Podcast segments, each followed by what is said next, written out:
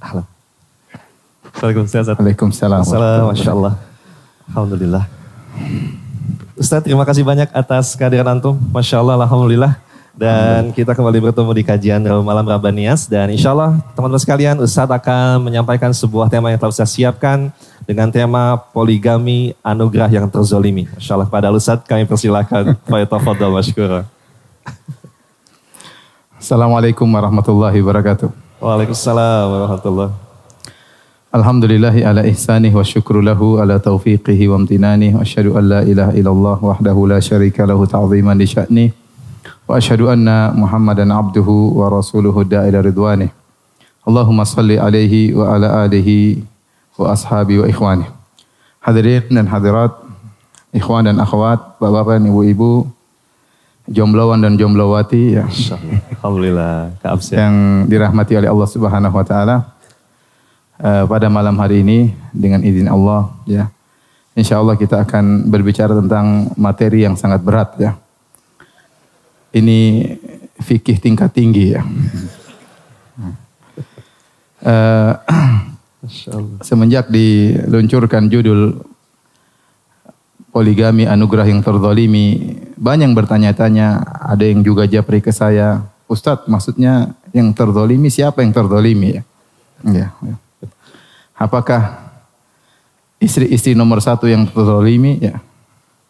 Ataukah bapak-bapak yang terzolimi sehingga tidak bisa berpoligami ya? Ataukah ikhwan-ikhwan yang mendolimi diri sendiri? Orang sebagian orang-orang mereka bisa berpoligami namun tidak mereka berpoligami akhirnya terjerumus dalam hal-hal yang haram. Atau maksudnya apa ya? Sebenarnya dari judulnya sudah jelas. Yang dimaksud adalah syariat poligami yang terzalimi. Ya. Yang terzalimi bukan saya tidak berbicara tentang praktisinya. Tetapi syariat poligami ini adalah syariat yang sangat indah yang diturunkan oleh Rabbul Alamin. Yang Al-Hakim, yang Maha Bijak, yang tahu tentang makhluk yang ia ciptakan. Ala ya'lamu man khalaq. Bukankah yang menciptakan lebih tahu tentang yang dia ciptakan? Maka Allah Subhanahu wa taala menurunkan syariat yang pas dan tepat untuk dijalankan oleh makhluk-makhluk yang Allah ciptakan. Namun syariat poligami menjadi tercoreng ya, dengan eh, orang-orang uh, yang tidak paham tentang indahnya syariat tersebut. Maka dia terzolimi dari sisi ini. Ya. Terzolimi karena muncul orang-orang yang benci terhadap syariat poligami. Kalau seandainya yang benci terhadap syariat ini adalah orang-orang non-muslim, orang-orang kafir, maka itu perkara yang biasa.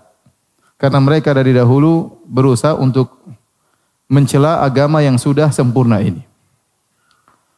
Dan mereka melakukan propaganda-propaganda untuk menyoroti secara khusus syariat poligami. Dengan berbagai macam dalih yang mereka utarakan. Ya. Seperti ketidakadilan lah, atau persamaan gender lah, dan apalah yang mereka utarakan untuk mencoreng syariat poligami. Dan ini persis mereka lakukan juga terhadap syariat waris. Tatkala ada pembagian dalam sebagian kondisi lidzakari mislu hadzil unsayain, bahwasanya laki-laki mendapat dua bagian, adapun wanita satu bagian. Maka mulailah orang-orang kafir mereka menggaungkan masalah ini ingin mencela dua syariat ini, syariat poligami, syariat waris.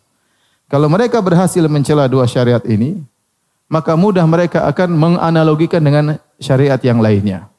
Maka sebagai orang Islam yang benar, yang membela agamanya, yang meyakini bahwasanya Islam adalah agama yang tersempurna, maka dia harus membela syariat ini. Karena jika seandainya mereka berhasil mencela syariat ini, dua ini, berarti agama Islam tidak sempurna. Dan membuka pintu-pintu mereka untuk mencela syariat-syariat yang lain, hukum-hukum Islam yang lain. Oleh karenanya para ulama menulis buku-buku membantah tuduhan-tuduhan mereka, cercaan mereka yang mereka tidak tahu tentang bagaimana indahnya syariat poligami. Yang menyedihkan bahwasanya propaganda mereka ya akhirnya tertular kepada sebagian kaum muslimin, terutama kaum muslimat, terutama ibu-ibu ya, yang terbawa dengan ya omongan-omongan mereka. Akhirnya secara sadar atau tidak sadar menjadi wanita-wanita anti poligami, anti syariat Allah Subhanahu wa taala ya. ya. ini yang kita khawatirkan. Yang kita khawatirkan. Tentunya banyak di antara ibu-ibu yang tidak suka poligami bukan karena syariatnya, tapi karena praktisinya, karena suaminya yang poligami. Kalau suami orang yang poligami nggak masalah. Tapi karena praktisnya adalah suaminya yang dianggap mungkin tidak adil, mulailah dia benci terhadap syariat poligami. Saya khawatir ke bawah. Namanya syaitan akan bisikan dalam hatinya seakan-akan syariatnya tidak adil. Seakan-akan syariat tidak adil. Maka dari sini syariat poligami seakan-akan terzolimi dari orang-orang yang tidak tahu tentang hakikat syariat. Ini termakan dengan propaganda orang-orang non-muslim.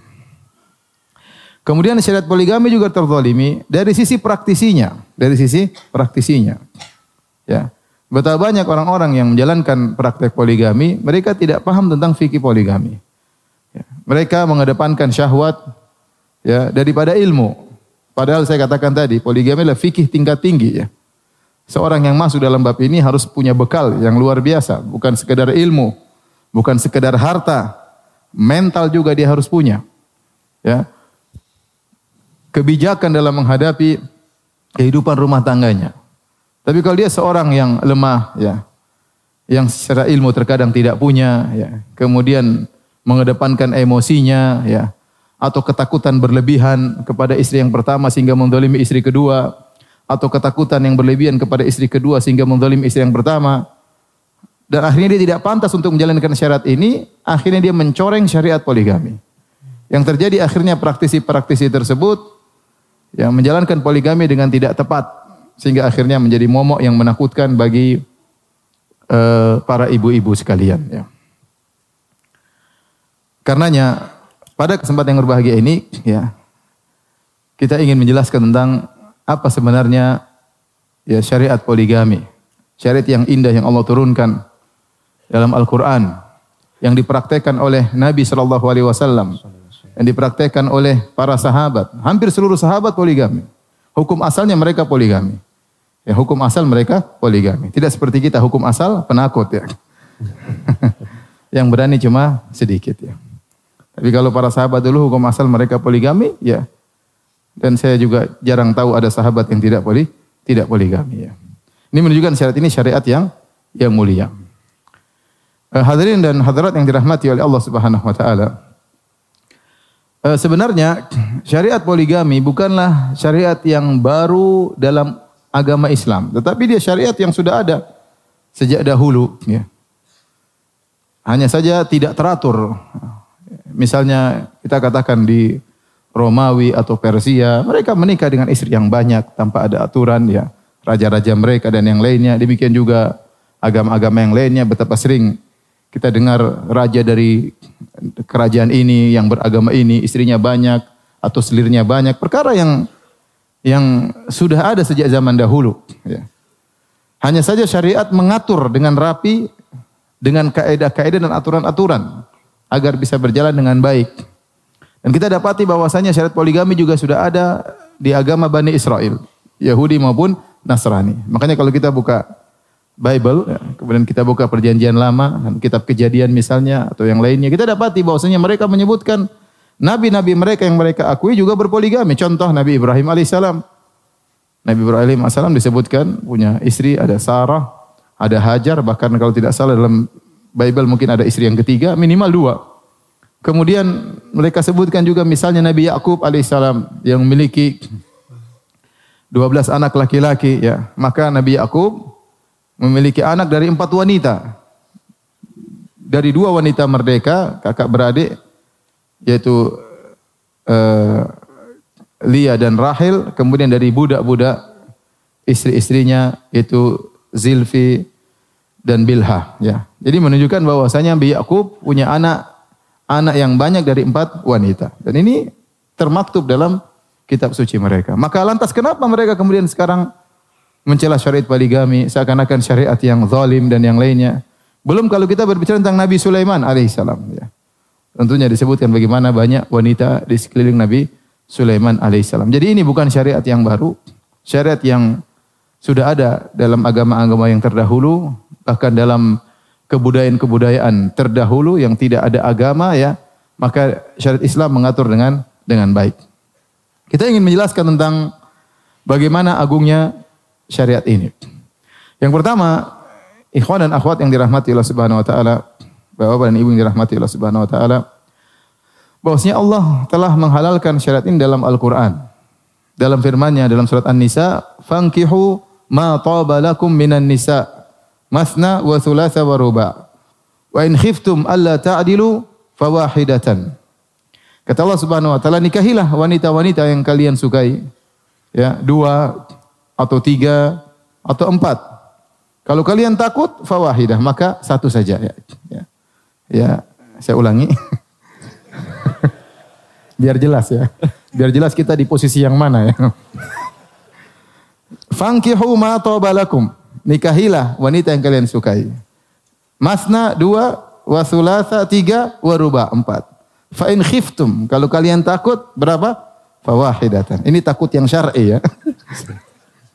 takut yang diperbolehkan dalam syariat. kalau tidak mampu untuk adil, fa in khiftum alla ta'dilu, kalau kalian tidak mampu untuk adil, di antara istri-istri kalian maka cukup satu. Ini dalil bahwasanya poligami diperbolehkan.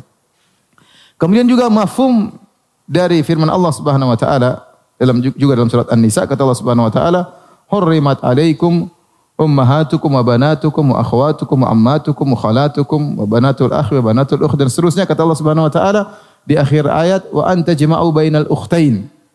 Kata Allah diharamkan bagi kalian menikahi ibu-ibu kalian, menikahi ya putri-putri kalian, menikahi saudari-saudari kalian, menikahi bibi-bibi kalian, tante-tante kalian, ya ponakan-ponakan kalian dan seterusnya sampai di dekat penghujung ayat kata Allah diharamkan bagi kalian anta jama'u bainal ukhtain. Diharamkan bagi kalian untuk menikahi dua perempuan kakak beradik. Enggak boleh digabungkan. Berarti dipahami kalau bukan kakak beradik boleh atau tidak? Boleh. Yang Allah larang adalah menggabungkan kakak beradik. Tidak boleh. Karena itu akan menimbulkan uh, pemutusan silaturahmi kan karena akan terjadi kecemburuan di antara uh, kedua istri tersebut. Maka Allah melarang menikah dengan dua wanita yang kakak beradik. Difahami dari ini bahwasanya seandainya dua wanita tersebut bukan kakak beradik maka hukumnya boleh. Ini syariat yang jelas dan ijma ulama bahwasanya uh, syariat poligami datang dijelaskan dalam Al-Qur'an dengan tegas dan juga dijelaskan dalam sunnah Nabi Shallallahu Alaihi Wasallam.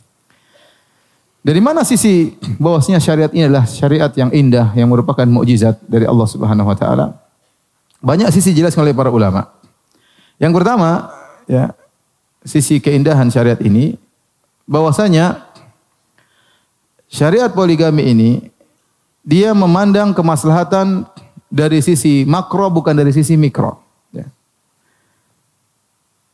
Kebanyakan wanita yang merasa misalnya terzalimi, ya, dalam tanda kutip mereka merasa terzalimi, ya, tatkala di poligami, ya, dia memandang daripada sisi dirinya, bahwasanya dalam lingkup rumah dia, dia terkurang jatahnya. Jatah nginap suaminya berkurang, ya mungkin jatah belanjanya berkurang, jatah jalan-jalannya berkurang, dan itu benar. Konsekuensi dari seorang laki punya istri dua, maka dia akan bagi jatah nginapnya jatah jalan-jalannya, maka ditinjau dari sisinya, dia merasa bahwasanya dia dalam tanda kutip terzalimi ya, ya. Bahwasanya haknya dikurangi yang biasanya dia terima haknya tujuh hari, sekarang jadi berkurang misalnya berkurang tiga hari atau berkurang beberapa hari. Maka dari sisi mikro dia merasa dia dizalimi. Tetapi syariat memandang yang lebih luas daripada itu. Syariat memandang umat Islam sebagai satu kesatuan. Bahwasanya ya di dalam dunia Islam banyak sekali wanita-wanita yang harus diayomi, yang harus di diayomi ya. Banyak ya gadis-gadis atau perawan-perawan yang sudah tua yang tidak ada yang menikahi mereka. Banyak janda-janda yang meninggal suami mereka atau ditalak oleh suami mereka yang tidak ada yang mengayomi, mengayomi mereka. Bahkan janda-janda tersebut juga terkadang membawa anak-anak kecil, anak-anak yatim ya Tatkala syariat melihat secara makro, maka syariat poligami ini sangat indah. Siapa yang mau berkorban untuk mengayomi wanita-wanita tersebut? Oleh karena saya punya kawan, saya punya kawan banyak yang praktisi poligami ya. Cuma saya belum tertular ya. Kalau mau dilihat dari keturunan, buyut saya poligami ya. Ya, saya ini produk produk poligami. Seandainya tidak ada poligami, saya tidak muncul di atas muka bumi ini. Ya. Jadi buyut saya poligami, nikah dua. Kakek saya juga nikah dua, yang saya dari dan saya dari istri kedua. Kemudian bapak saya juga nikah dengan ibu saya, kemudian nikah juga dengan wanita yang lain. Dan saya tidak ya. Ini menunjukkan bahwasanya poligami bukan keturunan ya. Yang yang keturunan itu penyakit gula ya. teman saya juga banyak praktisi poligami, apalagi kalau di Arab teman saya rata-rata banyak yang poligami. Dan mereka berkata kepada saya, ya Firanda, poligami itu bukan sebenarnya ada benar kita tidak pungkiri ada kelezatan, tetapi sisi tanggung jawab lebih besar daripada kelezatan. Ya. Bahwasanya seorang tatkala poligami bukan pikiran dia sekedar melampiaskan hawa nafsu, banyak pikiran yang dipikirkan. Dia misalnya ingin memiliki anak yang banyak misalnya, dia ingin mengayomi para wanita misalnya, banyak hal yang dia pikirkan. Sehingga dia berkata kepada saya, bahwasanya poligami itu tanggung jawab lebih besar daripada sisi kelezatan. Bayangkan kalau punya istri tiga, kemudian punya anak banyak, siapa yang ngurusi anak tersebut? Butuh seorang laki-laki yang hebat, ya, yang hebat, yang punya mental yang kuat, yang punya ekonomi yang bagus untuk bisa mengayomi, ya. Orang-orang tersebut, wanita-wanita tersebut, bukan orang yang nekat, ya yang tidak punya modal. Suatu hari saya duduk di teman saya. Teman saya maksudnya alhamdulillah punya kelebihan harta. Tiba-tiba dia cerita atau ada yang telepon dia, seseorang telepon dia. Tolong bantu saya. Ini motor saya bocor ya. Masukkan bengkel saya nggak punya uang untuk bengkelin motor subhanallah. Dia bilang Ustadz saya tahu siapa orang ini. Saya bilang saya nggak tahu. Orang ini Ustadz, dia untuk bayar bengkel motor nggak punya, tapi istrinya dua. Masya Allah. Ini contoh praktisi nekat. Baru saya, saya katakan bahwa ini poligami bukan bukan sekedar kelezatan, tapi bagaimana pertanggungjawaban yang luar biasa. Ya. Sehingga syariat melihat secara apa? Secara makro. Bayang kita lihat di daerah-daerah, di negara-negara kafir yang mereka menolak poligami, bahkan di antara mereka mengharamkan ya, perceraian misalnya, apalagi nikah dua, kalau ada masalah tidak boleh cerai sama sekali, sehingga tidak apa-apa berzina tapi yang penting tidak boleh cerai. Maka banyak sekali penyakit-penyakit sosial yang terjadi. Ya. Banyak prostitusi, banyak perzinahan, ya. Ya, kemudian perempuan menunggu dinikahi laki-laki, ternyata dia bersaing dengan lelaki. Wanita, dia nunggu laki-laki untuk didatangi, ternyata dia bersaing dengan laki-laki. Kenapa? Banyak praktisi homo. So, ya, ya. Ya. Tambah nggak laku lagi perempuan. Laki-laki ternyata punya pilihan bukan cuma perempuan, dia juga suka apa? Laki-laki. Sehingga semakin banyak penderitaan di dalam kehidupan mereka. Ya. Belum anak-anak tidak ada yang ayomi, anak-anak tidak punya bapak, tidak punya ibu akibat banyak persinahan. Ini semua kenapa? Karena permusuhan yang nyata terhadap praktek apa? Poligami. Maka Allah yang maha tahu tentang ciptaannya menurunkan syariat yang pas buat makhluknya. Oleh karena syariat poligami ini tidak boleh dicela. Anda tidak bisa mempraktekkan, Anda jangan mencela praktek poligami. Ya. Anda ternyata suami Anda ternyata tidak bisa menjalankan praktek poligami dengan baik, jangan syariatnya dicela. Jangan syariatnya dicela dan jangan sampai dalam diri Anda benci dengan syariat poligami. Ini syariat diturunkan dari Rabbul Alamin untuk kemaslahatan makro. Ya, bukan hanya sekedar melihat pada satu rumah, dua rumah, tidak, tapi melihat kepada satu dunia Islam, satu kabupaten, satu negara Islam dengan berbagai macam permasalahan sosial, penyakit sosial yang ada. Maka ada satu syariat yang mudah untuk mengayomi mereka itu syariat poligami. Paham Bapak-bapak? Ibu-ibu paham ibu-ibu? Ya. Baik. Yang kedua, yang menunjukkan syariat poligami adalah syariat yang merupakan mukjizat. Bahwasanya syariat ini turun pas buat kondisi laki-laki dan perempuan. Dalam Islam, laki dan perempuan tidak dihukumi sama, tetapi disikapi oleh Islam dengan keadilan. Dan keadilan tidak sama dengan menyamakan. Jangan menyangka bahwasanya namanya adil itu harus menyamakan. Ya. Kalau misalnya saya punya murid di kelas, yang satu rajin, yang satunya bahlul. Kemudian yang satunya nilainya 10, yang satunya nilainya minus 2. Kemudian saya satunya ranking 1, satunya tidak naik kelas. Akhirnya yang tidak naik kelas tanya, Ustadz, Ustadz nggak adil. Kita kan sama-sama murid Ustadz, jadi maksudmu apa? Ya kita sama-sama ranking 1 Ustadz. ya gimana mau ranking 1 sama-sama? Ente bahlul dia pintar ya. Maka tidak berarti keadilan itu harus menyamakan, paham? Dan dalam Al-Quran banyak sekali Allah membedakan. Ya. Kul hal yastawi alladhina ya'lamuna wal ladzina la ya'lamun. Katakan apakah sama antara yang berilmu dengan tidak berilmu? Beda, Allah membedakan. Ya, apakah sama orang kafir dengan orang muslim? Afanaja al muslimina kal mujrimin? Apakah mensikapi ya orang-orang Islam seperti orang-orang pendosa, mujrim, orang kafir? Tidak akan sama. Ya. Kul hal yastawil a'ma wal basir am hal tastawi dhulumatu wan nur? Apakah sama yang melihat hak dengan yang buta dari kebenaran? Apakah sama antara cahaya dengan kegelapan? Allah banyak bedakan hal. Ini dalil bahwasanya keadilan itu bukan persamaan. Tetapi keadilan dalam Islam namanya wad'u syai' ala maudhi'ihi, meletakkan suatu pada tempatnya. Meletakkan suatu pada tempatnya yang tepat itulah namanya adil. Itulah namanya keadilan.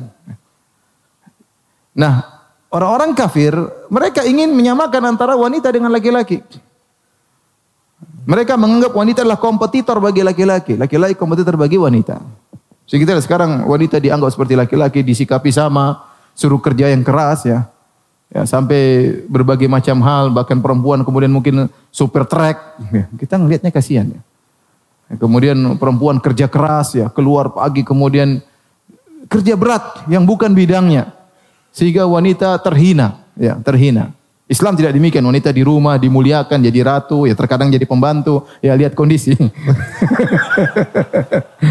Tapi maksudnya dimuliakan di rumah. Lah yang kerja laki-laki, yang kerja laki-laki. Ya. Perempuan saat dia punya tugas berat, ngurus anak-anak, ya. Ngurus buah hatinya, buah hati kita diurus oleh istri kita. Tugasnya berat, ya. bukan kemudian suruh keluar rumah, kemudian cari nafkah, kompetitor dengan laki-laki, bersaing dengan laki-laki, laki-laki bicara dia pun teriak-teriak dalam forum. Tidak demikian. Ya. Itu tata cara pemikiran orang Barat. Ya. Ya. Yang mereka ingin merendahkan wanita dengan propaganda tersebut. Maksudnya ingin menyamakan wanita dan laki-laki seakan-akan mengangkat derajat wanita, namun pada hakikatnya adalah menghina para wanita. Sehingga wanita bisa dijamah oleh siapa saja. Bisa dijamah oleh siapa saja, boleh dinikmati oleh siapa saja, Ya, beda dengan dalam Islam. Oleh karenanya, Islam melihat ada perbedaan laki-laki dengan perempuan. Sehingga dimunculkanlah oleh Allah Subhanahu wa taala syariat poligami. Banyak sisi. Pertama, ikhwan dan akhwat yang rahmatillah subhanahu wa taala. Kenyataan menunjukkan bahwasanya jumlah wanita jauh lebih banyak daripada jumlah lelaki. Jumlah wanita jauh lebih banyak daripada jumlah lelaki. Ya, kalau setiap laki-laki hanya mengoyomi satu perempuan, bagaimana sisa wanita yang berlebihan tersebut. Ada yang membuka daftar untuk uh, biro jodoh. Misalnya laki-laki yang daftar 10 ribu, yang perempuan mungkin 30 ribu. Ya, ya gimana? Ya, ini kalau kalau jadi semua masih ada dua per tiga yang tidak terayomi. Ya. Bahkan Nabi mengabarkan bahwasanya di hari kiamat kala min alamatis sa'ah di antara tanda-tanda hari kiamat antaksuran nisa wa yaqillar rijal bahwasanya banyak wanita dan sedikit lelaki. Hatta yakuna lil khamsina li khamsina imra'ah al qayyimul wahid. Sampai-sampai pada suatu kondisi di mana 50 perempuan yang ngurus satu laki-laki. Bayangkan kalau antum ada di zaman tersebut antum dikejar 50 wanita sampai jumlahnya berlipat ganda sampai 50 wanita yang ngurus berapa satu orang laki-laki. Itu akan tiba sampai menjelang hari hari kiamat. Ya. Oleh karenanya kenyataan menunjukkan bahwa jumlah wanita lebih banyak daripada lelaki sehingga tidak mungkin cuma satu hanya menikahi satu. Kalau kenyataannya demikian maka banyak wanita yang tidak terayomi ya. Baik. Siapa tahu ada SWA dari istri saya karena istri saya hadir ya. Masya. Enggak ada, berarti aman. Baik, kita lanjutkan. Tunggu aja ada. Istri saya bawa bawa anak saya juga, masya Allah. Baik, kita lanjutkan. Ya, sampai di mana tadi? Tanda kiamat satu banding 50. Oh ya, kiamat satu banding 50. Kemudian juga Allah Maha tahu tentang bagaimana perbedaan lelaki dengan wanita. Lelaki tatkala sudah mencapai balik, sudah mencapai umur 20 misalnya atau 25 tahun, mereka sudah ingin nikah, belum tentu bisa nikah. Adapun wanita kalau sudah dewasa, sudah balik, sudah haid, sudah siap dinikahi. Artinya yang ready untuk dinikahi dari sisi wanita lebih banyak daripada ready dari sisi laki-laki yang mau nikah. Kenapa? Laki-laki kalau sudah balik, sudah pingin nikah, sudah jadi jomblo sejati, duit nggak punya. Dan itu banyak saya pertanyaan jomblo-jomblo yang menderita banyak. Ya, sampai kepada saya banyak sekali. Ustadz, tapi saya belum punya ini Ustadz. Ustadz, saya sudah pingin nikah, masih kuliah Ustadz. Ustadz, saya mau pingin menikah, tapi nggak punya modal. Banyak sekali. Saya bisa mengira-ngira penderitaan mereka. Jadi maksud saya, selain jumlah wanita lebih banyak, poin kedua, wanita itu yang ready untuk dinikahi banyak daripada laki-laki. Laki-laki tidak ready-ready. Tunggu Ustaz, aduh belum bisa, saya belum mapan, belum mau nikah. Ya, sampai umur berapa? Tunggu, 25 lah mapan dulu. Enggak mapan-mapan. Sampai umur 30, enggak mapan-mapan. Ya. Sudah mapan, aduh, takut Ustaz, aduh, takut tanggung jawab. Sehingga maksud saya banyak laki-laki yang kesiapan mereka untuk nikah ready stoknya sedikit. Ini menunjukkan yang berani yang mau nikah dia harus mengambil lebih daripada satu jika memungkinkan. Berikutnya, lelaki bekerja di luar menghadapi banyak risiko. Sehingga kemungkinan mereka tewas terlebih dahulu lebih besar daripada ibu-ibu. Oleh karenanya, kebanyakan yang kita lihat dalam kehidupan dunia ini janda wanita. Suaminya sudah meninggal, suaminya sudah meninggal. Jarang kita dapati duda istrinya sudah meninggal. Jarang. Yang kita sering dapati janda suaminya sudah meninggal. Kenapa suaminya kerja keras di perusahaan, mungkin menghirup udara yang kotor dan yang lainnya, mudah sakit akhirnya meninggal dunia. Itu banyak kejadiannya. Ya. Sehingga akhirnya jumlah laki semakin sedikit lagi. Dibandingkan dengan jumlah apa? Wanita.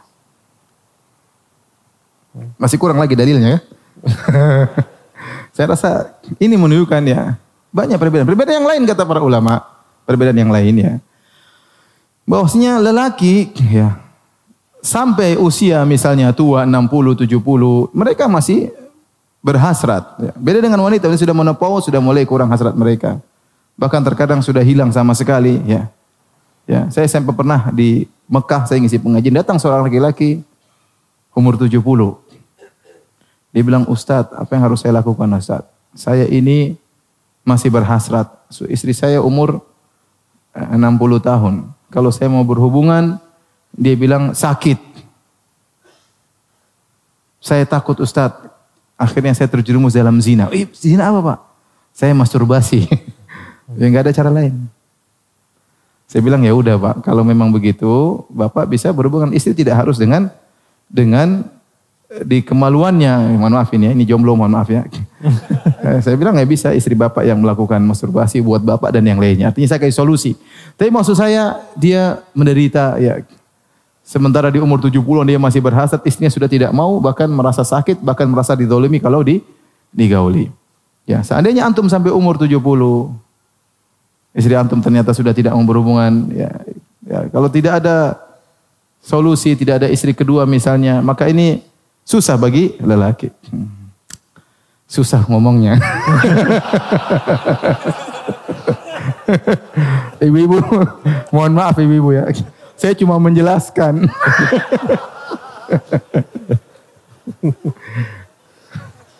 Kita lanjut apa sudah ini? Ada WA enggak coba? aman, aman.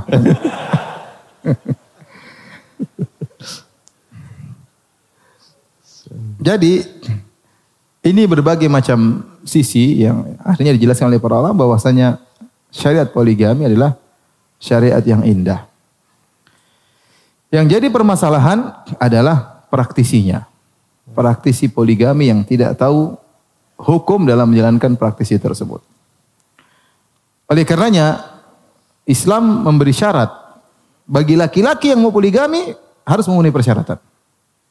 Harus memenuhi persyaratan. Yang pertama, dia harus adil. Kalau dia tidak adil, maka tidak boleh. Allah tegas mengatakan, fa in khiftum alla ta'dilu, kalau kalian takut tidak adil, fawahidah, maka satu saja. Ya. Kalau takut tidak adil, maka satu saja. Ya. Ustaz, Kalau kita tidak poligami tidak apa-apa. Kalau ente takut tidak adil, ya sudah jangan poligami. Bahkan syariat memberi ancaman keras kata Nabi sallallahu alaihi wasallam, "Man lahum ra'atani famala ila ihdahuma jaa yaumal qiyamati wa il." Barang siapa yang punya dua istri kemudian dia condong kepada salah satunya, maka dia akan datang pada hari kiamat badannya miring. Ini menunjukkan terjadi penyimpangan dalam hal ini. Sampai Nabi menyebutkan secara khusus peringatan keras Barang siapa yang tidak adil terhadap istrinya condong kepada salah satunya, maka dia datang dalam kondisi miring. Ini menunjukkan tidak adil dalam praktek poligami dosa besar. Karena dipermalukan oleh Allah pada hari kiamat kelak. Dibangkitkan di padang masyar, badan miring-miring. Ya akhi, kenapa akhi ente miring badan? Perasaan ente ke masjid rajin, ke mana rajin. Eh ternyata tidak adil dalam berumah tangga. Sampai-sampai sebagian ulama seperti dari madhab dari madhab uh, Hambali menyebutkan hukum asal poligami makruh. Sampai ada yang mengatakan demikian. Hukum asal poligami makruh dibenci. Kenapa? Karena seorang akan mengantarkan dirinya pada kezaliman, ketidakadilan. Itu menunjukkan bahwasanya tidak semua orang bisa melaksanakan poligami.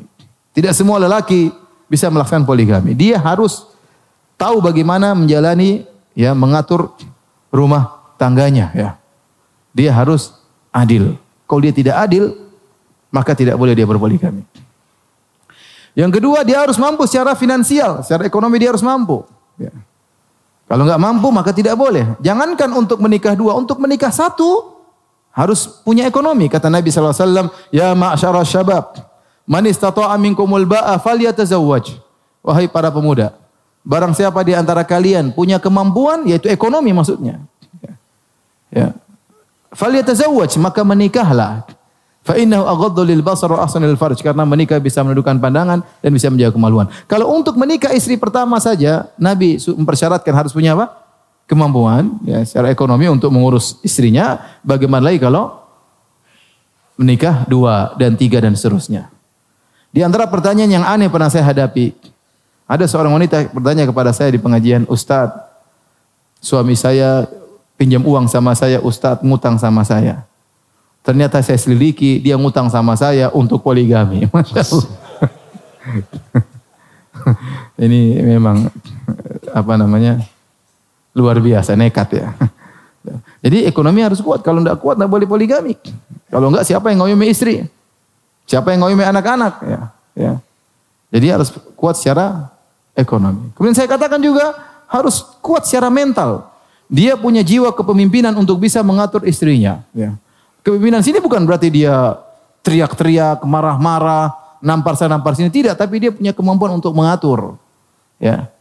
Bisa jadi seorang bisa mengatur perusahaan, dia tidak bisa mengatur rumah tangganya. Banyak orang seperti itu. Dia dalam bidang dunia pekerjaan dia hebat, tapi dalam rumah tangga dia hancur. Dia tidak bisa mengatur. Hmm, tidak bisa, tidak bisa mengatur. Kalau dia tidak bisa mengatur, maka yang dia bawa dalam kehidupan rumah tangganya adalah kesengsaraan. Ya, adalah kesengsaraan. Ya, makanya saya punya kawan juga praktisi poligami. Dia bilang, iya Firanda, dulu waktu saya mau menikah, saya bayangkan saya akan menjadi serigala di antara dua kambing betina. Setelah saya poligami, saya menjadi kambing di antara dua serigala betina. Sehari diomelin di sana, sehari diomelin di sini. Ada ikhwan poligami. Kita cuma cerita. Sudah lama dia nggak muncul. Setelah sebulan untuk berapa waktu dia datang, kemudian datang ketemu kawan saya. Gimana inti poligami? Sedih. Kasihan. Ada orang poligami datang ke rumah kurus, masya Allah. Ini poligami bukan mendatangkan kebahagiaan, mendatangkan apa? Penderitaan. Berarti dia tidak kuat secara mental untuk menjalankan roda rumah tangga. Maka seorang ya tatkala ingin berpoligami dia harus siap ini semua. Tentunya dia meminta petunjuk kepada Allah, minta kekuatan kepada Allah, isti'anah billah, minta pertolongan, kemudian dia jalankan berusaha semaksimal mungkin dan pasti akan ada ujian dan pasti ada hambatan. Itulah dia ingin menjalankan syariat yang yang mulia. Maka ada hambatan, ada ujian. Ujian tersebut terutama di zaman kita ini. Di zaman kita ini khususnya di tanah air. Di sebagian tempat poligami adalah perkara yang sangat-sangat biasa. Contoh di Arab Saudi. Arab Saudi orang poligami Mudah sekali. Teman-teman poligami punya duit tinggal poligami. Ya. Apakah istrinya nggak marah? Ya marah, cemburu, tapi nggak bisa apa-apa. Mau ngapain? Ya. Karena semua orang juga poligami. Bahkan istri pertama adalah produk poligami. Istri pertama mungkin dia adalah anak dari istri ketiga bapaknya. Terus dia mau anti poligami nggak bisa, dia sendiri produk apa? Poligami. Sehingga poligami adalah hal yang biasa di Arab Saudi. Bahkan di antara cerita yang saya pernah dengar, ada seorang orang ingin menikah, menikah lagi, maka anak-anaknya kumpul musyawarah sama dia. Abi, nikah yang begini dong, Bi. Diskusi sama anak-anaknya. Hebat atau tidak? Itu terjadi. Ya. Karena suatu hal yang yang biasa. Sehingga bi'ah atau lingkungan mendukung terjadinya praktek poligami. Contoh lebih hebat lagi seperti di Afrika. Di Afrika, kawan-kawan saya yang dulu di Universitas Islam Madinah, kata mereka, ya Firanda, kalau kita tidak poligami, kita dianggap berpenyakit. Dianggap lemah syahwat, dihina. Maka hukum asalnya kita poligami. Saya punya kawan datang ketemu saya musim haji. Dia S1. S1 tapi istrinya tiga. Ente S3, istri cuma satu. saya bilang, istri saya four in one. Jadi maksud saya, ya, bagi mereka itu hal yang biasa. Bahkan orang tidak poligami dihina. Sehingga karena kondisi sudah biasa, poligami tidak ada yang demo-demo di situ, tidak ada yang protes-protes. Ya. Beda tatkala kita di tanah air. Ente mau poligami, ujian berat di hadapan ente. Ya kalau kita bilang poligami, indah ya, impian para lelaki. Satu kata berjuta makna. Tapi begitu dilaksanakan ternyata berat. Yang menghalangi poligami pertama, istri kita yang pertama jelas tidak mau. Ya, sampai di antara mereka ucapkan kata-kata yang keras ya. Ya, saya tidak bercerita istri saya, tidak ya. Ya nanti saya salah paham. Ini cerita tentang istri orang lain. Langkahi dulu mayatku. Uh, ngeri. Bayangkan. So, itu mereka ucapkan. Langkahi dulu mayatku. Di antara mereka yang berkata, saya siap di madu. Kalau suami saya siap diracun. Uh. Mengerikan. Dan itu terjadi di, di tanah air kita di tanah air kita terjadi. Ya. Kondisi mengerikan ya. ya kondisi. Enggak, bukan. Bukan pengalaman saya. Alhamdulillah saya tidak begitu ya. Istri saya sudah bilang dari dulu. Abi saya sudah siap. Masya Allah. Siap pentungan.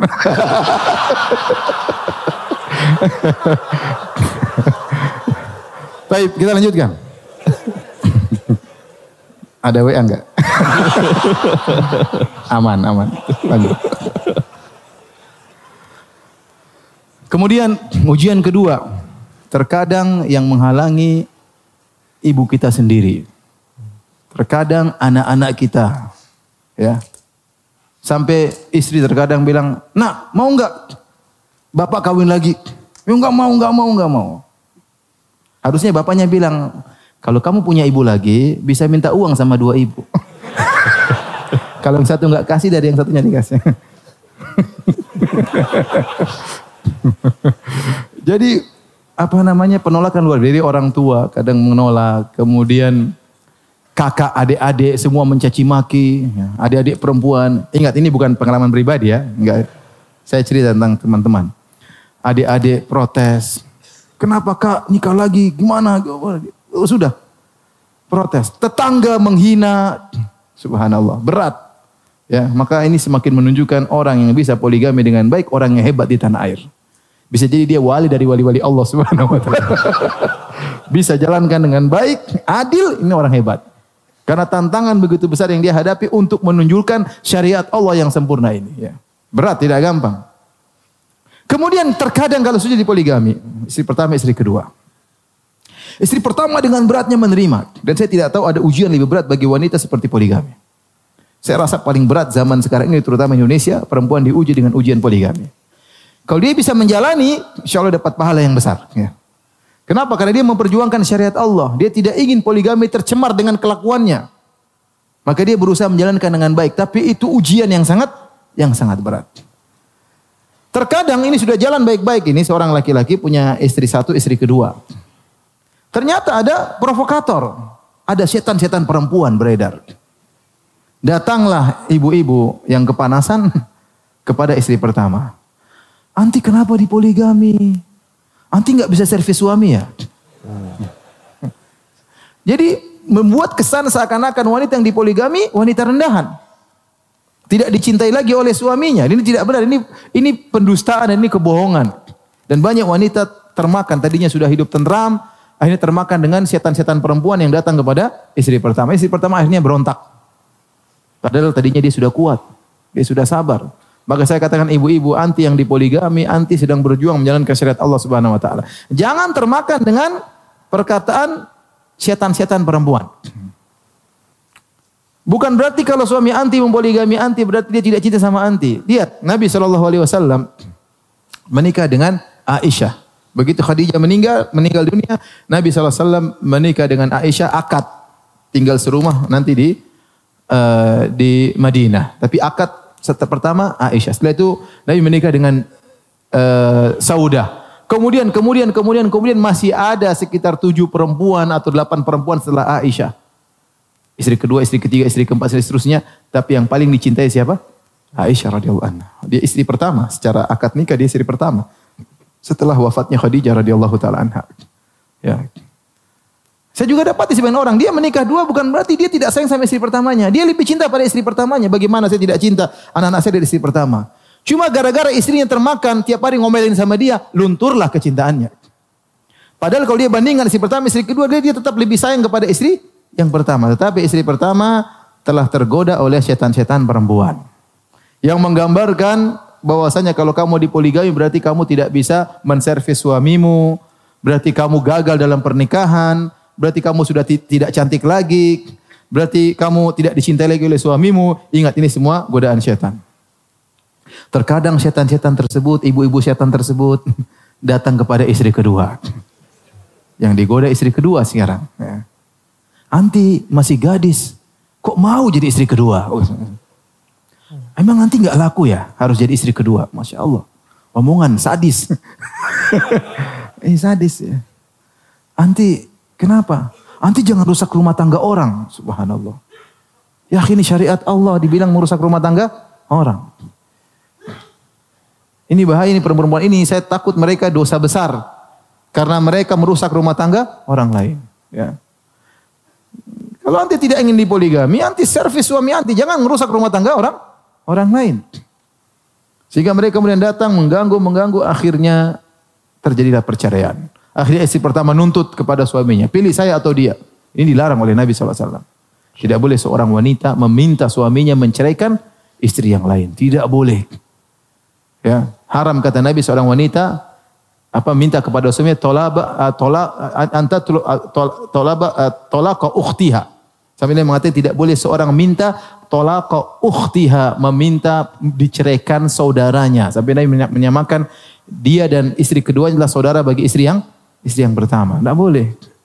Ya, Kalau bersaing-bersaing yang sehat. Kalau berjuang sama-sama.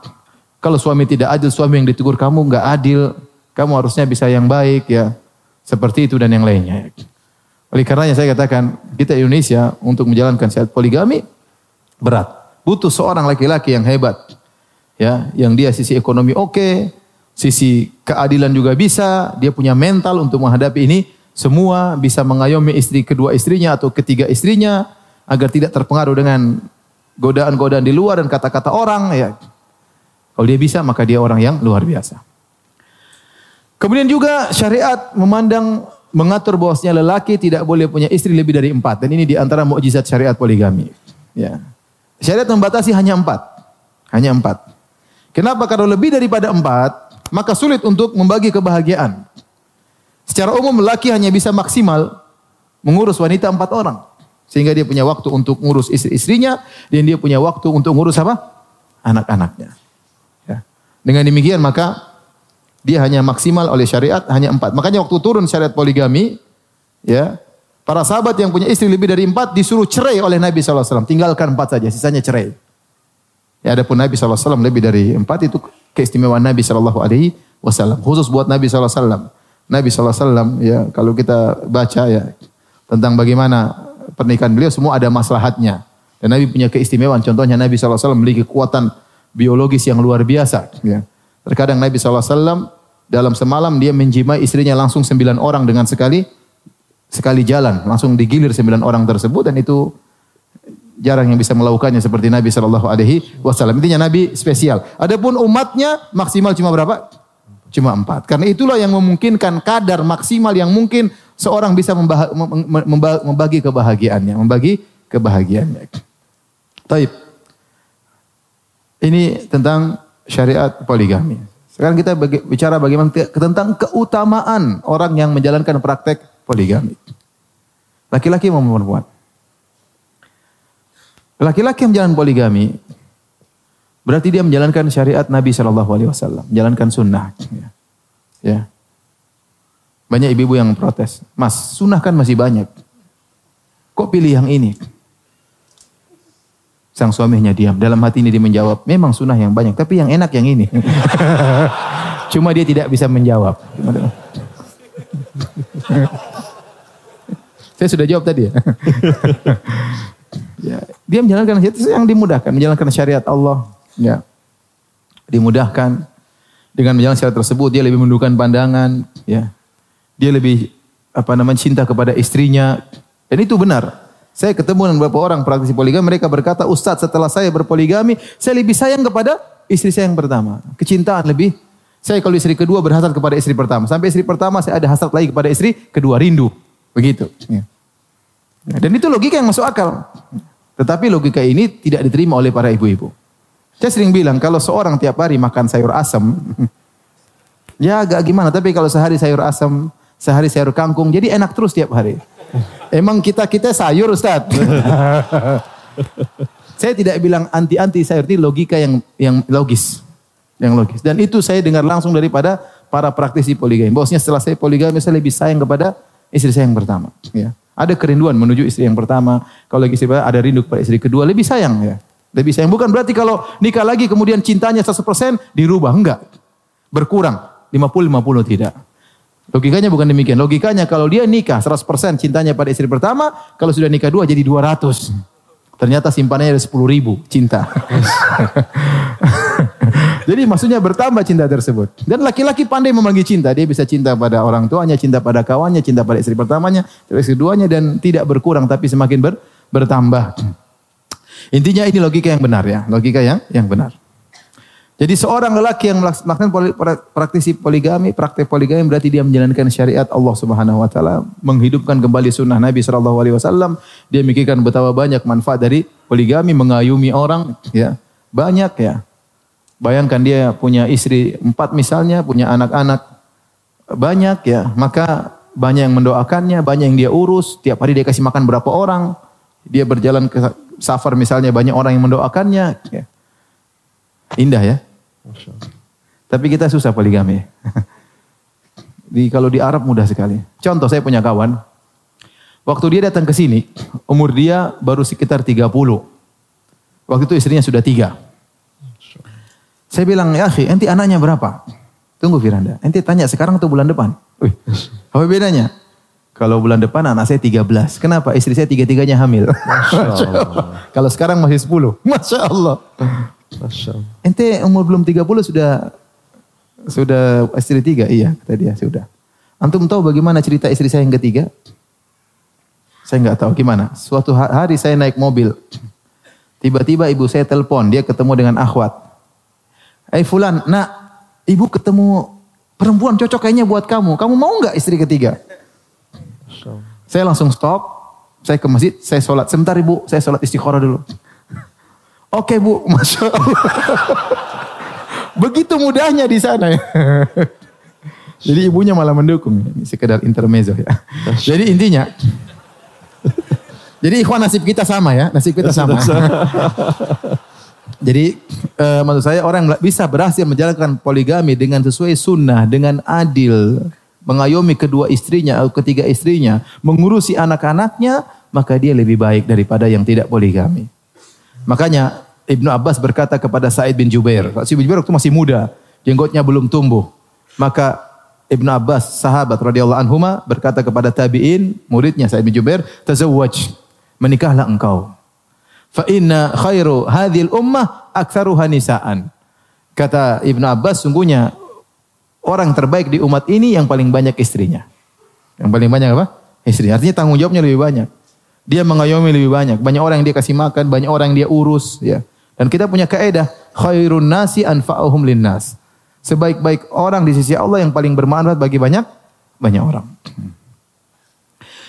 Kemudian orang yang melaksanakan praktek poligami menyenangkan Nabi SAW pada hari kiamat kelak. Bayangkan, menyenangkan Nabi pada hari kiamat kelak.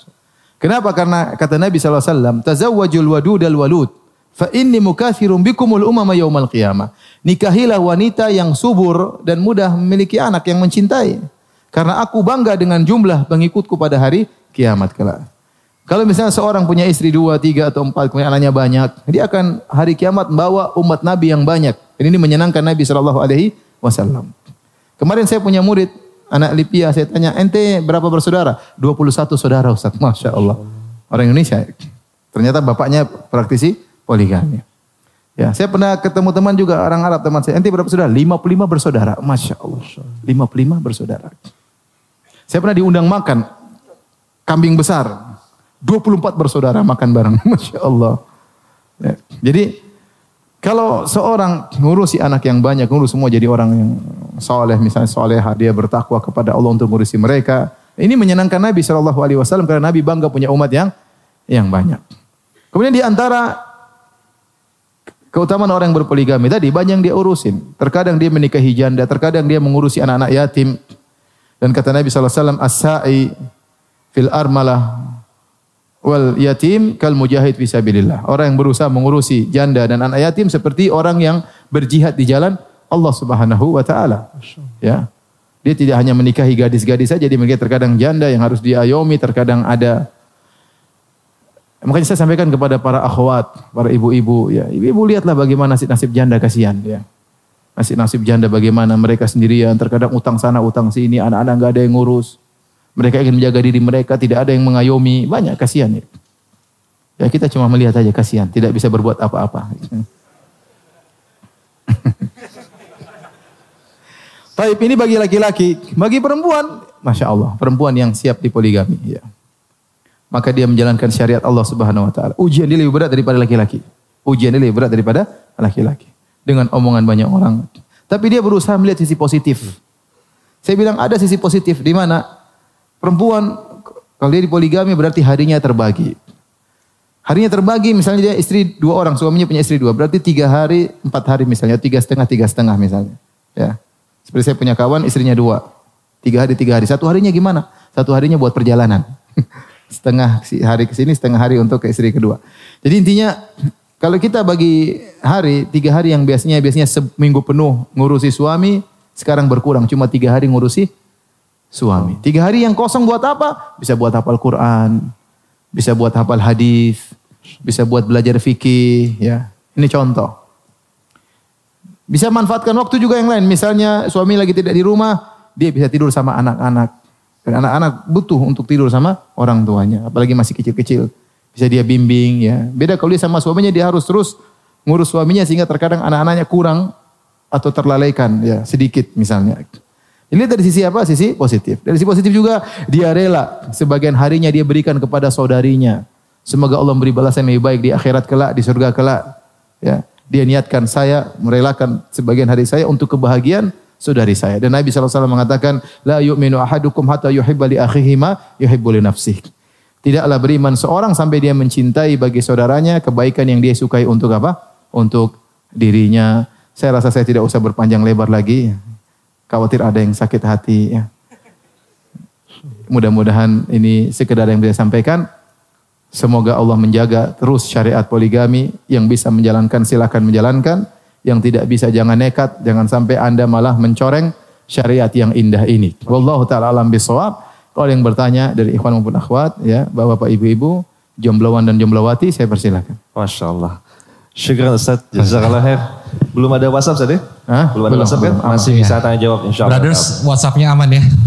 Cek Alhamdulillah. dulu deh. Aman, aman kayaknya. Ngecek juga aman ya? Aman. Alhamdulillah. Siap pindah ke Arab Saudi berarti ya.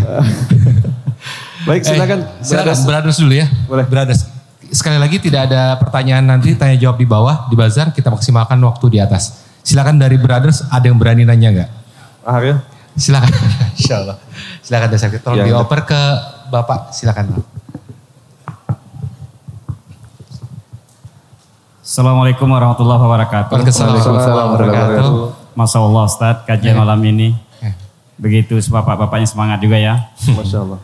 Eh, pertanyaannya, eh, kalau dilihat dari hasil ini, semua bapak kayaknya kepingin Ustadz. Nah, cuma, Antum bicara tentang diri sendirilah. ya, ya. Bapak bawa-bawa. belum tentu berani. ya kalau dilihat dari Mimik eh, mereka. Oh, hukumnya poligami itu kayaknya apa gimana Ustaz? Eh, setengah-setengah Ustaz, 50-nya takut, 50-nya berani, kan gitu. Ya. Pertanyaannya apa? Kenapa? Cuman pertanyaannya bukan itu Ustaz. Pertanyaannya apa? Pertanyaannya eh, kepada Ustadz, kenapa apa alasan Ustadz sampai saat ini cuman Ustadz belum boleh poligami gitu. Masya Allah. Nah, ya, sementara ilmu sudah fikih tingkat Masya tinggi. Masya Allah. Gelar doktor, ya. Disari material itu juga sudah sangat bagus. Assalamualaikum warahmatullahi wabarakatuh. Waalaikumsalam. Masalahnya kalau Ustadznya Anda pernah tanya Ya. sama istri, Baik. Ustadz Firanda aja istrinya baru satu, kita baru gimana? Jadi, Oh, jadi anak ya, dapat ya? ilmu dari Allah. Assalamualaikum warahmatullahi wabarakatuh. Syukran Pak. Di depan saya ada dua pilihan. Saya berpoligami atau tidak. Poligami tidak harus wajib bagi saya. Ya, dia terkadang wajib bagi kondisi tertentu. Terkadang sunnah bagi kondisi tertentu, terkadang boleh bagi kondisi tertentu. Dan Nabi mencontohkan keduanya. Nabi SAW pernah tidak berpoligami dalam waktu yang lama, 25 tahun. Tatkala beristrikan dengan apa? Khadijah radhiyallahu anha. Ya. Kemudian tatkala Khadijah meninggal dunia, maka kemudian Nabi berpoligami. Ya, saya tidak mungkin menjelaskan di sini. yang jelas eh, saya tahu apa yang saya lakukan. Masya yang jelas saya belum terima WhatsApp.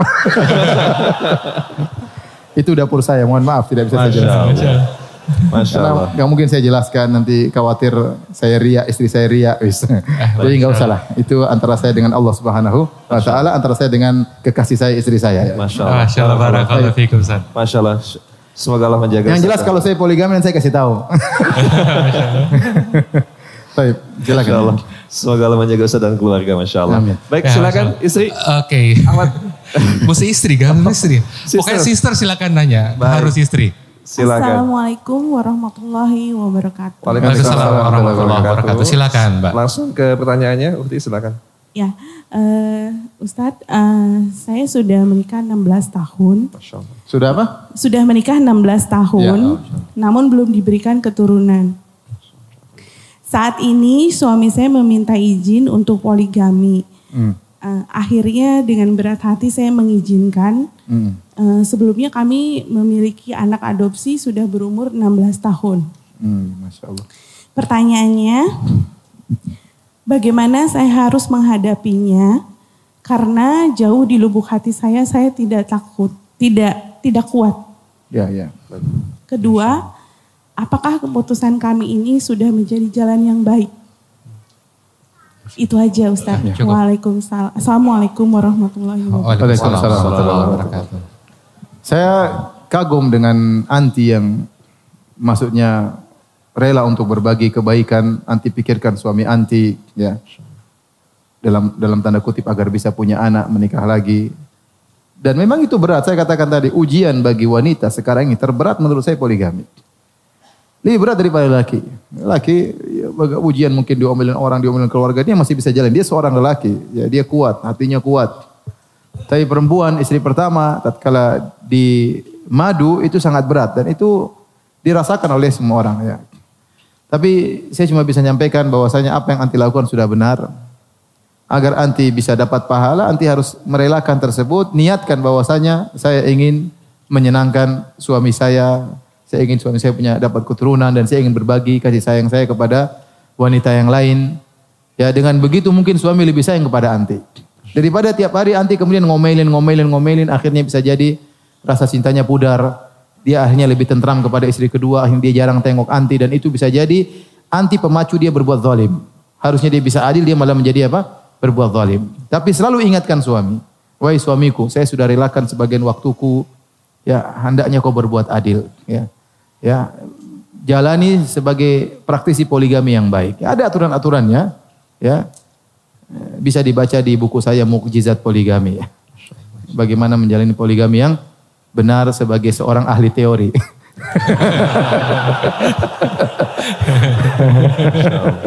Masya Ya, karena di antaranya misalnya seorang suami, kalau dia berpoligami, dia selalu menunjukkan bahwasanya istrinya dia yang paling cintai. Dia harus pandai.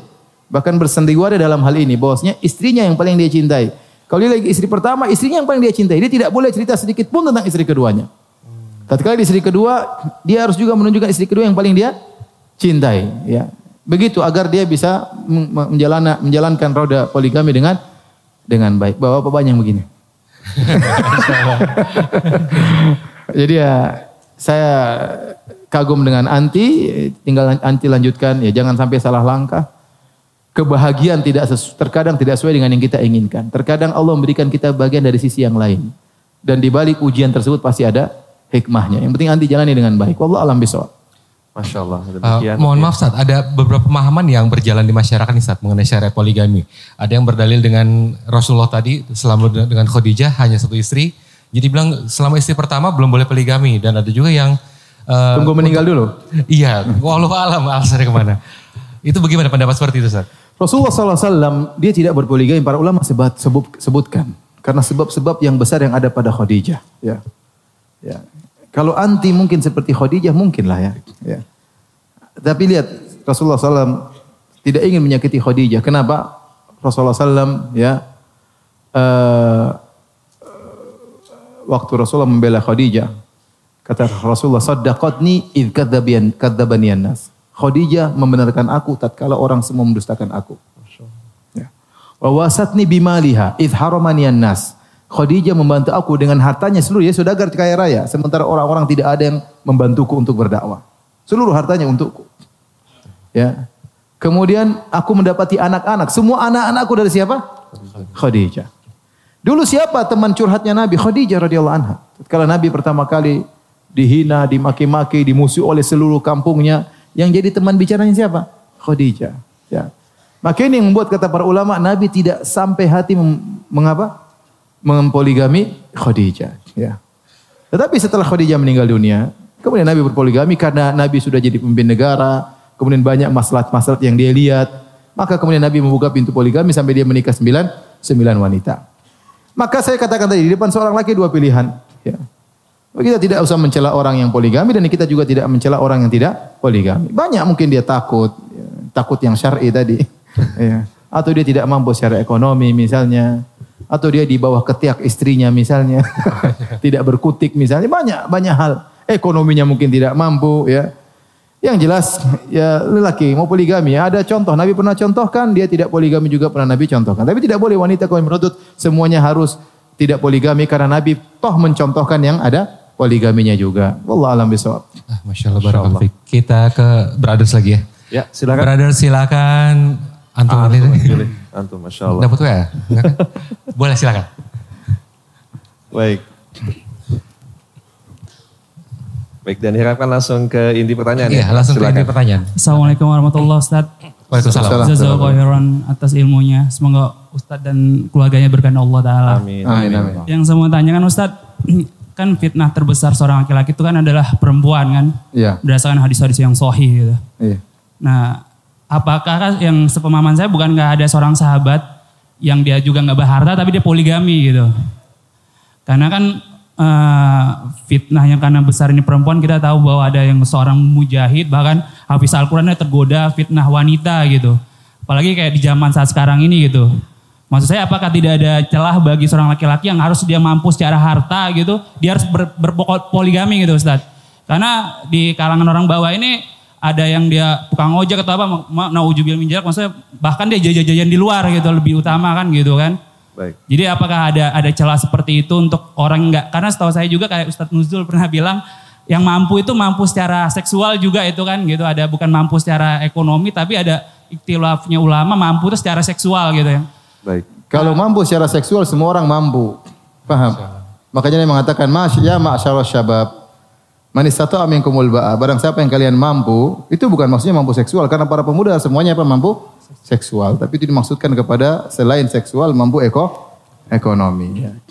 Dan bukan berarti seorang kemudian tidak punya harta tidak boleh menikah selama dia mampu bekerja. Dia tidak punya modal tapi dia punya pekerjaan dan dia bisa mengayomi istrinya silahkan ya. Silahkan ya. Ya, Seperti Abu Bakar radhiyallahu anhu dia menginfakkan seluruh hartanya. Ya, Dia bisa meskipun seluruh hartanya dia bisa menjadi harta lagi. Sementara sebagian sahabat ingin menginfakkan seluruh hartanya, Nabi larang, jangan karena orang beda-beda. Orang beda-beda. Maka kalau ada orang misalnya dia mungkin harta tidak banyak, dia ingin menikah dan dia sampaikan kepada calon mertuanya, calon mertuanya ridho. Kamu modalnya apa? Enggak ada pak, saya cuma punya motor. Terus, insya Allah saya berusaha. Insya Allah pak, bapak percaya sama saya. Ya kalau dia mau ya silakan, enggak ada masalah. Ya. Tapi tatkala nikah saja harus dipersi- dipersiapkan ekonomi, ya. Bukan berarti harus kaya raya maksud saya. Antum tidak harus punya rumah tatkala nikah. Saya juga nikah nggak punya rumah. Yang penting bisa sewa rumah. Karena istri nikah mau taruh di mana? Mau taruh di bawah kolong jembatan? Enggak, kan harus ada uang untuk sewa apa? Rumah. Ada uang kendaraan, mungkin enggak motor sederhana. Yang penting bisa kasih makan istri. Antum punya jaminan entah kerja, entah apa bisa makan istri, tidak harus punya rumah mewah, tidak harus punya, maksudnya demikian untuk menikah. Nah, kalau tatkala menikah pertama harus diperhatikan masalah ini apalagi nikah kedua dan ketiga dan seterusnya. Karena tadi ada sebagian orang dia meskipun dalam ekonomi pas-pasan dia bisa poligami. Istrinya bisa dia didik, istrinya hidup sederhana dan sebaliknya ada yang menikah dengan istri kedua hancur. Dan itu kejadian. Kenapa? Dia tidak mampu mengayomi istrinya. Istrinya kedua, istri keduanya punya gaya hidup sendiri, style sendiri yang tidak mampu ikut irama istrinya. Akhirnya buyar. Ini terjadi. Jadi eh, masing-masing lihat kondisinya ya. Secara umum namanya menikah harus punya kemampuan ekonomi ya. ya. Wallah alam bisawab. Masya Allah. Jazakallah khairan Ustaz. Assalamualaikum warahmatullahi Waalaikumsalam warahmatullahi wabarakatuh. Dan silakan Oke, selanjutnya. silakan sisters, Sisters. sudah tadi disebutkan sisters Ya, dulu kita kasih kesempatan silakan. ya. Assalamualaikum warahmatullahi wabarakatuh. Waalaikumsalam warahmatullahi wabarakatuh. Nama saya Ika dari Tangerang, Ustadz. Ya. Ya, silakan Mbak. Langsung ke pertanyaan. Eh, sekarang saya masih sendiri, belum berjodoh. Umur saya 30 tahun. Saya punya teman kantor, dia karirnya bagus, keuangannya juga bagus. eh, tapi dia sudah berkeluarga dan punya anak. Dia pernah datang ke saya, meminta saya untuk jadi istri keduanya dia. Nah, tapi selama saya kenal dia, saya nggak pernah lihat dia sholat. Terus dia melakukan hal-halnya yang kurang baik, Ustadz. Saya pernah ngomong sama dia, "Eh, pertemukan saya sama istri kamu yang pertama. Kalau istri kamu mengizinkan saya jadi istri kedua, saya mau.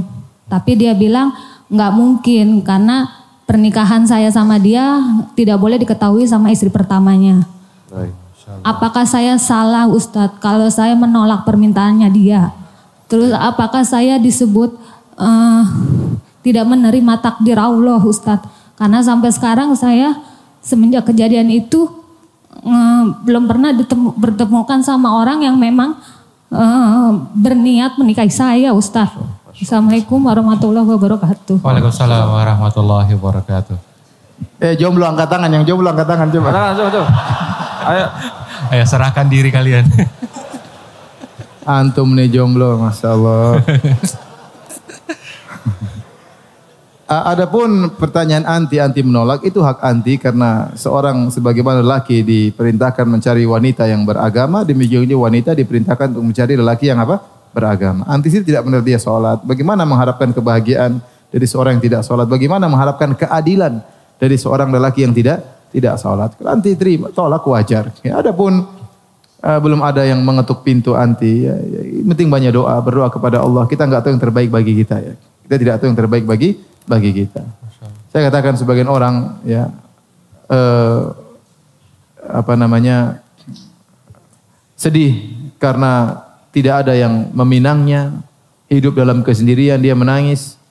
Dan sebaliknya banyak orang yang menangis karena suaminya yang tidak beres. Banyak. Siksa, dipukulin, dijauhin, tidak dikasih nafkah, dibiarkan dia terlantar dengan anak-anaknya banyak juga. Makanya saya katakan kita nggak tahu apa yang terbaik yang Allah takdirkan bagi kita. Yang dilakukan oleh anti sudah benar, tinggal anti berdoa kepada Allah. Kalau memang terbaik Allah kirimkan jodoh, alhamdulillah. Kalau enggak, terima apa yang Allah takdirkan. Jadi apa yang anti lakukan tidak benar dan eh, apa yang anti sudah benar dan tidak dikatakan anti menolak apa? Takdir. Wallahu alam bisawab. Ah, Masya Allah. Semoga Dari Allah dua, iya semoga Allah mudahkan bagi sister kita. Dari dua penanya sister side ini, Ustaz, ada satu keyword yang sama, Ustaz. Izin istri pertama. Itu emang syarat atau gimana? Tadi gak terbahas sepertinya. Apanya? Izin istri Izin pertama. istri pertama apa sebuah syariat, Ustaz? Ente mau praktek tanya-tanya gitu. Pertanyaan dari sister. Ilmu dulu ya. Live streaming ya. yang lain, yang lain, yang lain. Jangan difokus. Silakan, silakan, silakan. Silakan dari brothers. Mau di aja Penasaran, Kalau penasaran. ente mau praktek kan aja jawab. Oh, iya. Salam- Ya, silakan. Assalamualaikum warahmatullahi wabarakatuh. Waalaikumsalam Waalaikumsalam warahmatullahi wabarakatuh. Uh, Ustadz saya mau bertanya mengenai substansi atau uh, isi dari implisit surat Anisa yang Ustadz sebutkan tadi. itu sebenarnya kan Ustadz tadi sampaikan bahwa ayat itu diturunkan saat uh, sahabat memiliki istri lebih dari empat ya Ustadz. ya? Iya. Nah, eh, sebenarnya implisitnya itu apakah eh, surat itu menyariatkan untuk menambah atau mengurangi, Ustaz? Syarat Sedang- tersebut Ustaz, ah, sedangkan di banyak sisi lain eh, para sahabat di, di hadis-hadis yang lain bahwa eh, apa ya kayak banyak istri itu lebih baik gitu. Baik, terima kasih. Iya. Cukup ya. Terima kasih. Jadi syariat itu turun untuk mengatur. Mengatur bagi orang yang istrinya lebih empat agar dikurangi jadi empat. Karena kebahagiaan tidak bisa diraih dengan menurut kadar manusia yang normal kecuali dengan istri yang empat ya. Kecuali no, Rasulullah SAW itu lain cerita. Dan mengatur bagi orang yang belum menikah, jika dia ingin berpoligami, maka maksimal cuma empat. Kalau dia takut tidak adil, maka cuma satu. Jadi kondisinya demikian. Kebetulan tatkala ayat itu turun, ada sebagian sahabat yang isinya lebih empat, ada sebagian sahabat yang belum nikah. Maka bermanfaat bagi dua golongan ini. Paham ya? Masya Allah. Baik. Cukup lah ya. Silakan. Kita ke sister side lagi, sister side dulu ya. Udah ada. Siap di Oke, silakan. Assalamualaikum warahmatullahi wabarakatuh. Waalaikumsalam warahmatullahi wabarakatuh. Silakan langsung ke pertanyaan. Eh, Ustadz saya mau, aduh, Ya. Silakan. Silakan masalah di teknis kah? Oke kita ke brothers dulu ya. Ya. Tolong panitia dicek dulu, eh, dibantu dicek di belakang ada apa. Silakan. Bro, antum. Silakan Pak.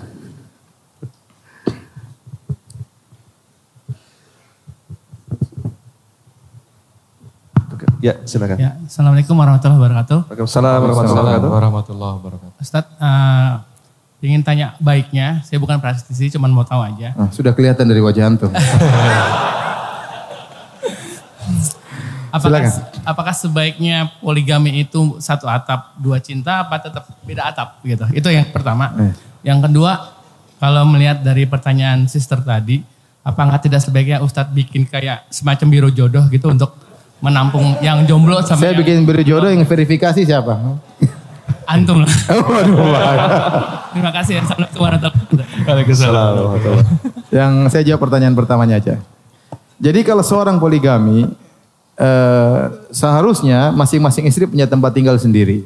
Dan itu hak di antara hak istri. Ya, para ulama menyebutkan hak seorang istri dia memiliki tempat tinggal sendiri, tidak diintervensi oleh keluarga suami sama sekali. Tidak boleh ada adik suami tinggal di situ, tidak boleh ada ayah dan ibu suami tinggal di situ, apalagi istri yang lain tinggal di di situ. Maka ini hak seorang istri. Ya. Hak seorang istri. Kecuali misalnya dia merelakan ya, dia mengalah ya, maka itu urusan dia. Tapi kalau dia hukum asalnya masing-masing istri punya rumah sendiri. Dan itu yang dipraktekkan oleh Nabi Shallallahu alaihi wasallam. Bagaimanapun seorang wanita ya, kesolehannya seperti apa pun pasti ada rasa cemburu. Pasti ada rasa cemburu. Dan Islam memandang secara eh, secara umum bahwasanya wanita punya kecemburuan meskipun mereka orang-orang yang soleha, maka mencegah terjadinya kemudaratan, maka masing-masing punya tempat tinggal sendiri. Ya. Sampai saya pernah menghadapi kasus ada seorang wanita minta cerai karena suaminya punya istri empat, kemudian ditaruh di satu satu rumah tapi lain pintu. Ya. Lain pintu, tetapi penutupnya kurang rapat. Sehingga kalau di sebelah ada desah-desahan terdengar oleh dia. Ya. Ya, itu kan susah bagi seorang wanita. Itu akhirnya dia minta cerai karena dia tidak kuat menahan kecemburuannya dan itu wajar. Dia punya hak untuk minta cerai. Jadi seharusnya eh, masing-masing punya tempat tersendiri, ya tempat ter tersendiri. Allah taala alam bisawab. Masya Allah. Oke, sisters mungkin sudah Siap? teratasi kendala teknisnya. Eh, Assalamualaikum warahmatullahi wabarakatuh. Waalaikumsalam warahmatullahi Eh, wabarakatuh. Afwan Ustadz, saya mewakili eh, sisters yang tadi karena beliau eh, sulit menyampaikannya. Jadi begini, eh, sister yang tadi itu punya orang tua. Nah, seperti yang Ustadz jelaskan tadi bahwa laki-laki sampai umur 70 tahun pun kadang masih punya eh, hasrat seksual. Nah, kejadiannya pada orang tua eh, Mbak ini eh, si ayah masih punya hasrat itu tapi eh, istrinya, ibunya Mbak ini eh, sudah jelas menyatakan bahwa tidak sanggup lagi. Nah, tapi eh, ibunya sudah menyampaikan bahwa eh, sudah mengikhlaskan bila suaminya ingin eh, berpoligami atau menikah lagi. Tapi yang jadi kendala menurut Mbak ini eh, bahwa untuk berpoligami itu harus mempunyai ilmu yang cukup. Sementara eh, Mbak Mbak ini tidak melihat itu pada ayahnya gitu. Secara eh, finansial dan ilmu agama terutama. Baik. Eh, lalu yang ingin ditanyakan bagaimana solusinya Ustadz. Jadi kayaknya eh, lebih kepada eh, anak-anaknya ini belum bisa menerima gitu Ustadz. Assalamualaikum warahmatullahi wabarakatuh. Waalaikumsalam warahmatullahi Ya, nasihat saya kepada anak-anaknya berbakti kepada orang tuanya. Orang tuanya punya hasrat, kemudian disuruh puasa tiap hari. Harusnya mereka berbondong-bondong bahu-membahu, siapkan uang untuk orang tuanya, agar orang tuanya di masa tuanya ada yang mengayomi, ada yang menyayanginya. Ya. Bukan kemudian dilarang. Bagaimana seorang dia berhasrat, apalagi zaman sekarang dengan fitnah wanita yang luar biasa. Akhirnya khawatir dia kemudian melakukan hal yang tidak-tidak di luar daripada ke sikap yang normal.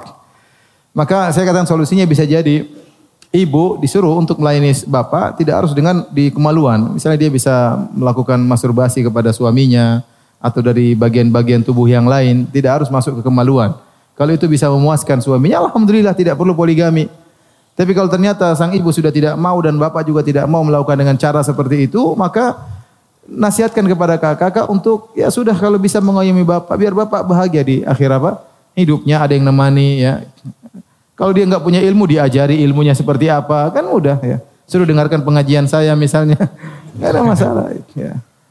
ya karena akhirnya terkadang begitu akhirnya mulai ngelirik-lirik istri orang terkadang melihat macam-macam padahal di masa tua harusnya dia meninggal dalam kondisi husnul khatimah, bukan malah terjerumus dalam kemaksiatan di masa di masa tua. Maka saya harapan anak-anak supaya bisa kerjasama berbakti kepada orang tuanya di masa tua ayah mereka tersebut. Allah taala bisawab sampai di sini saja mungkin bisa sampaikan. Semoga eh, bapak dan ibu-ibu bisa berumah tangga dengan tentram ya Amin. di dunia sampai di akhirat kelak. Mohon maaf atas segala penyampaian dan kekurangan. Subhanakallah bihamdik asyhadu an la ilaha anta astaghfiruka. Assalamualaikum warahmatullahi wabarakatuh. Waalaikumsalam warahmatullahi wabarakatuh. Syukran Ustaz, jazakallah khair dan pada antum semua.